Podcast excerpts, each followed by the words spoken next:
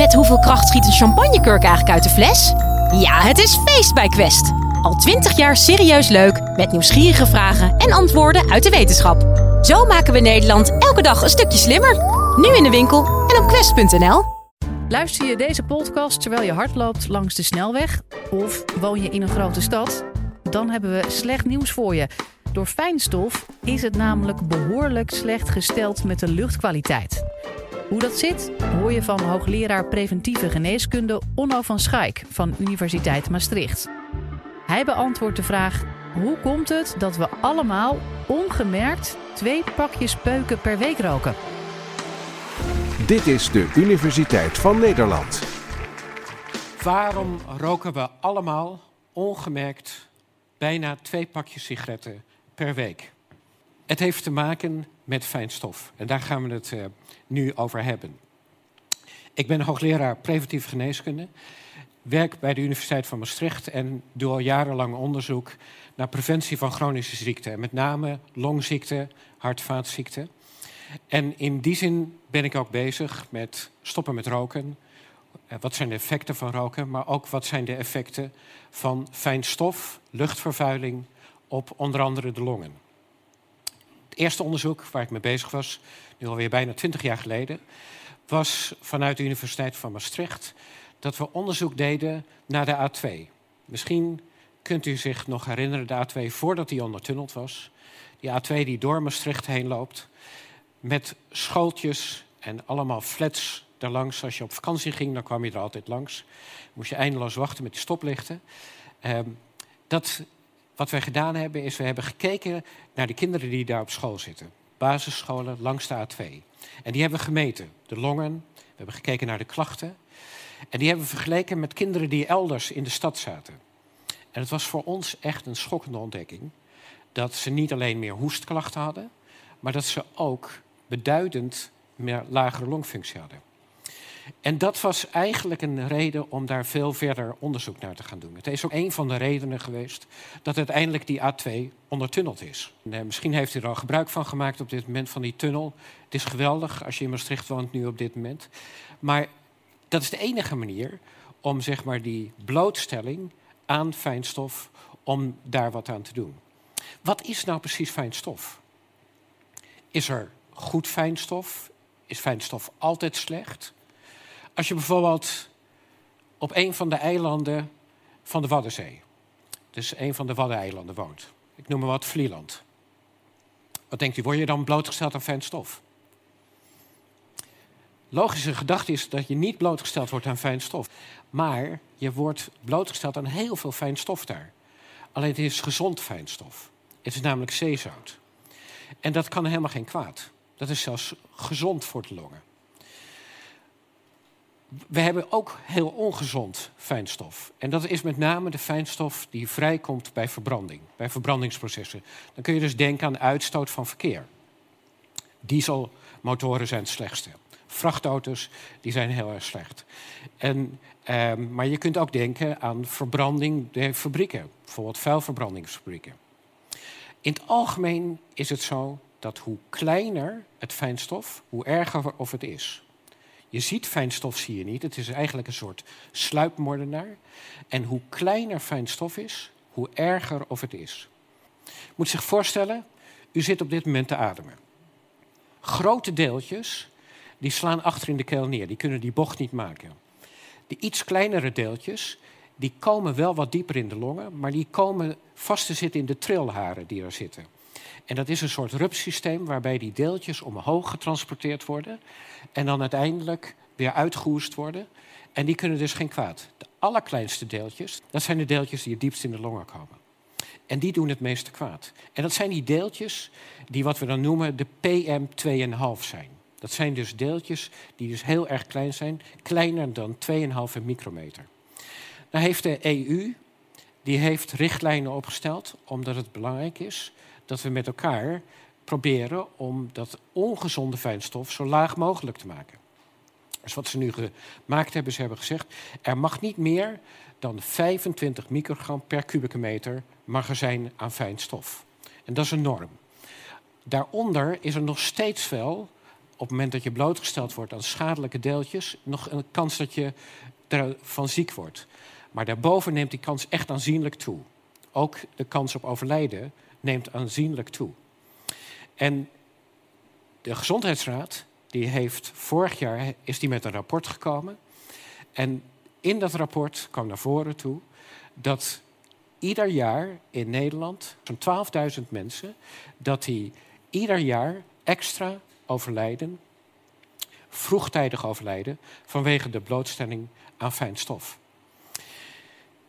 Weet u hoeveel slachtoffers er zijn vanwege het verkeer? 600. Betekent dat er 20 keer zoveel mensen overlijden ten gevolge van fijn stof dan ten gevolge van verkeersslachtoffers. We maken ons allemaal heel druk om verkeersslachtoffers, maar maken we ons ook echt druk vanwege het fijn stof. Kunnen zich voorstellen, 12.000 mensen. Dat zijn dus 25 volle jumbo's die per jaar neerstorten. Dat is nogal wat. 25 volle jumbo's. Er gebeurt dus heel wat. Dus het is echt een gigantisch probleem. We kunnen het niet bagatelliseren. En dat betekent ook dat er in Nederland voor gekozen is om voortdurend te meten. Er zijn grootschalig wordt er in Nederland wordt er gemeten op allerlei plekken. Op dit moment is Rotterdam kampioen in vervuiling. Dus dat betekent in Rotterdam rook je toch wel ongeveer zeven sigaretten per dag rook je mee vanwege die luchtvervuiling. In Amsterdam is het ietsje beter. We hebben even gemeten hier. Op dit moment zit het op zes. U, u overlijdt niet vanavond. Het, het komt allemaal goed. Maar het laat wel zien dat er echt wat aan de hand is. Dus je kunt gewoon, op het moment dat je blootgesteld wordt, is er wel een serieus uh, probleem is er aan de hand. Dat betekent ook dat ik voor mezelf, ik weet niet wie van u hard loopt, maar dat ik voor mezelf heb ik echt al jaren geleden heb ik besluit genomen, ik loop niet meer hard langs de snelweg. Want dan word ik gewoon blootgesteld aan een hoop troep. Is hetzelfde als hardlopen en tegelijk aan het roken zijn. Nou ja, ik kan je voorstellen, dat, dat is niet gezond. Dat is gewoon niet lekker. Wat wij op dit moment doen, is um, wij uh, zijn bezig met onderzoek, onder andere in India. We zijn aan het kijken naar hoe erg nou op dit moment de luchtvervuiling is in India. New Delhi, misschien weet u het, misschien heeft u iets meegekregen in de media. New Delhi is de meest vervuilde stad in de wereld. Ik had het net over 25. In New Delhi is het op dit moment 400 tot 800. Dat is dagelijks. Dus er zijn niet dagen dat het beneden de 400 is. Dat betekent dat als je daar aankomt, ik kom maar regelmatig, vlieg daar naartoe en dan zie je eh, op je app dat het prachtig stralend weer is, maar je gaat er door een deken van fijn stof ga je heen met vliegtuig en zo'n 10 meter boven de grond zie je nog steeds niet de landingsbaan. Zo, zo erg is het. Het is echt een hele dichte mist waar je doorheen gaat. In het zuiden van India zijn we bezig met in sloppenwijken. En een van de problemen waar, we, waar we tegenaan lopen, is dat de mensen in India koken op open vuur. Met name de arme mensen die koken op open vuur. Kinderen, moeders die blootgesteld worden aan open vuur. En hier spreken we niet over 400 tot 800, maar hier spreken we over 1500. Dus het zijn echt gigantische concentraties. Dat betekent, het is absoluut doodsoorzaak nummer één van kinderen in sloppenwijken.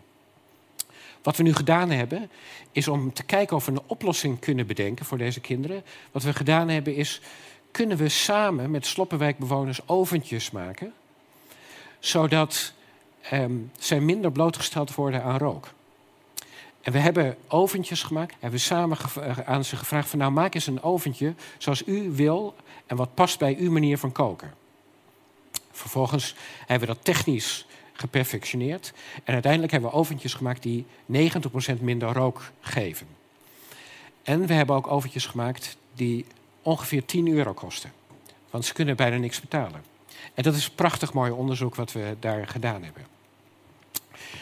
Kun je nou, als het gaat over luchtvervuiling, kun je dat nou zien? Kun je dat zien aan iemand dat die blootgesteld wordt aan luchtvervuiling? Als iemand overleden is, kun je het heel goed zien. Stel, je haalt zijn longen uit zijn lijf, dan kun je zien of die blootgesteld is aan vervuiling. Maar je kunt het ook meten.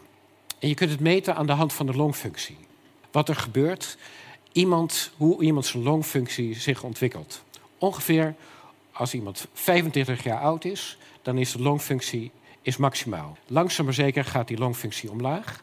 Maar die gaat een stuk sneller omlaag op het moment dat iemand ziek is bijvoorbeeld. En dan zie je eerder dat die komt in de buurt van het niveau waar de beperkingen zijn. Bijvoorbeeld iemand die COPD heeft, die gaat een stuk sneller naar beneden toe. En die krijgt dus beperkingen. Een beperking is bijvoorbeeld dat je, als je hier de trap oploopt, dat je bovenaan dat je buiten adem bent. Of dat als je tegen wind fietst, dat je het merkt. Op het moment dat iemand nou vanaf zijn 25ste blootgesteld wordt aan fijn stof, wat gebeurt er dan? Dan zie je dus dat het gaat veel sneller naar beneden toe. Dat betekent dus dat je veel eerder beperkingen zult gaan merken. Wat gebeurt er nou met iemand die vanaf zijn 25ste blootgesteld wordt aan fijn stof, maar die verhuist naar een gezond gebied, noem maar wat, een van de Waddeneilanden of ergens in de Alpen of ergens op een plek waar die niet blootgesteld wordt, veel minder kans hebt op beperkingen. Maar wat gebeurt er nou bij een kind wat een leven lang is blootgesteld? Die komt veel minder hoog. Dat betekent dus ook dat zo iemand veel sneller beperkingen krijgt. En dat is dus echt ook de reden dat de EU die normering gegeven heeft. Die normering die zo belangrijk is om niet boven die 25 uit te komen. Die normering speelt echt een rol en daarvoor is dat gedaan.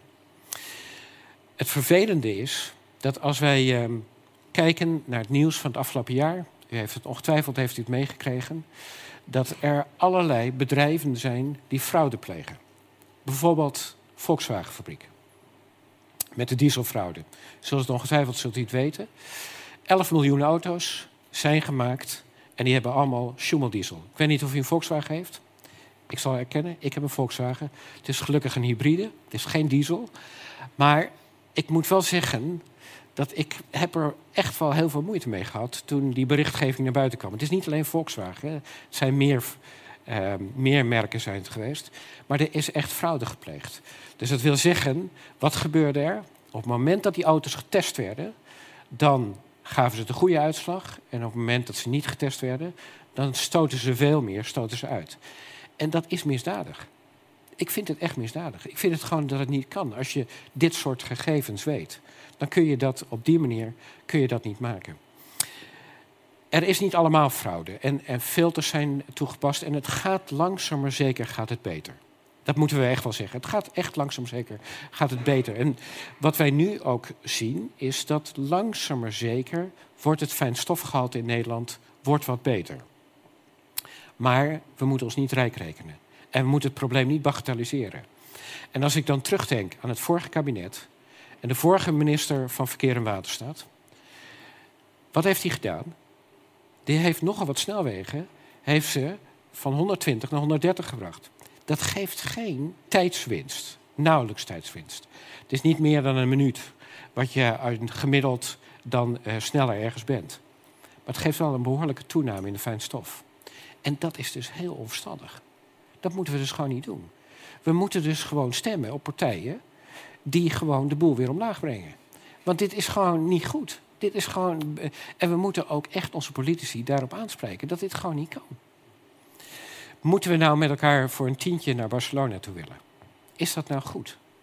Moeten we niet gewoon accijns op kerosine heffen? Want het probleem, we lossen het niet op. Het is echt zo dat bij een vliegtuig er nog veel meer fijnstof komt. Dat noem je ultrafijnstof. Dat zijn de allerkleinste deeltjes. Dus dat kan echt kwaad. Het is een beetje een somber verhaal tot nu toe. Ik ga nu wat hoopvolle dingen ga ik noemen. Want wat kunnen we er gewoon met elkaar aan doen? Want we kunnen wel degelijk kunnen we er wat aan doen. Ik ga u een aantal punten ga ik u noemen. Meer gebruik maken van de fiets en van de OV. Elektrische auto's. Als het kan, hybride of elektrische auto's. Probeer het te doen. Probeer het te kopen. Derde is filters op diesels en geen Schumo-diesel. Vierde is restrictief parkeerbeleid. Het is ontzettend belangrijk dat we niet parkeerterreinen in de stad hebben, maar dat we zoveel mogelijk restrictief parkeerbeleid. Het kost moeite, zeker als je in een grote stad woont.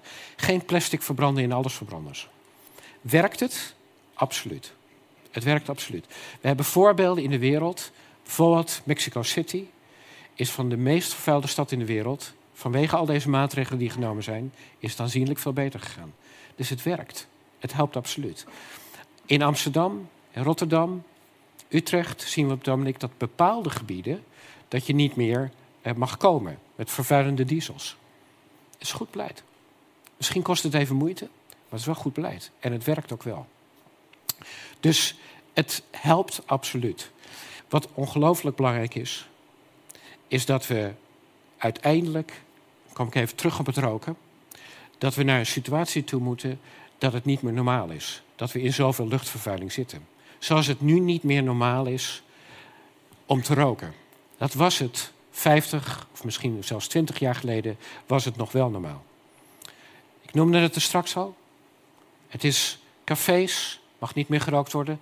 Mogen zelfs niet meer aparte rookruimtes mogen er zijn. Het is heel actueel. We pikken het niet meer. We willen het niet meer.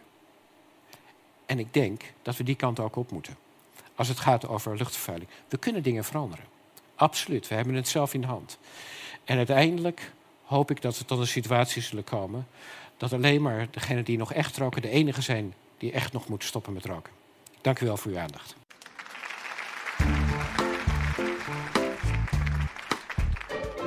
Wil je nou meer afleveringen van de Universiteit van Nederland horen? Check dan de hele playlist en ontdek het antwoord op vele andere vragen.